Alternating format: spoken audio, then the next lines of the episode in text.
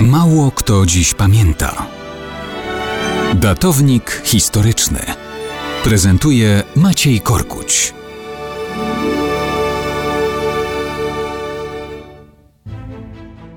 Mało kto dziś pamięta o wydarzeniach, które rozpoczęły się w nocy z 19 na 20 lutego 1846 roku.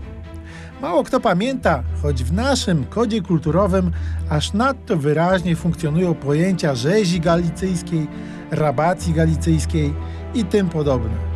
Błąka się po naszej świadomości, tak jak po weselu Wyspiańskiego, postać upiora Jakuba Szeli, który stał się symbolem chłopskiego okrucieństwa wymierzonego w galicyjską szlachtę.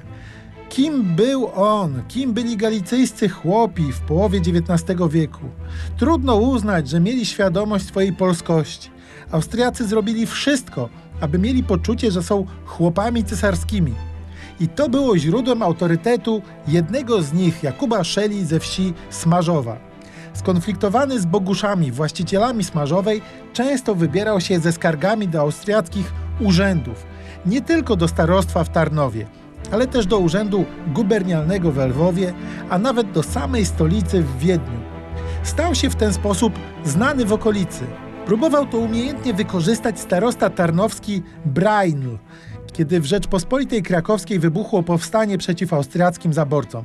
Uznawany za cesarskiego plenipotenta Szela zaczął głosić, że ma cesarskie upoważnienie do rozprawy ze zbuntowaną szlachtą.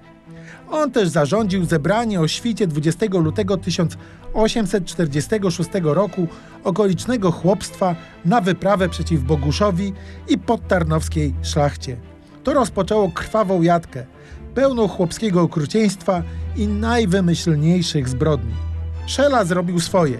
W kwietniu 1846 roku Austriacy profilaktycznie go już internowali, a po dwóch latach dali mu gospodarstwo na odległej Bukowinie.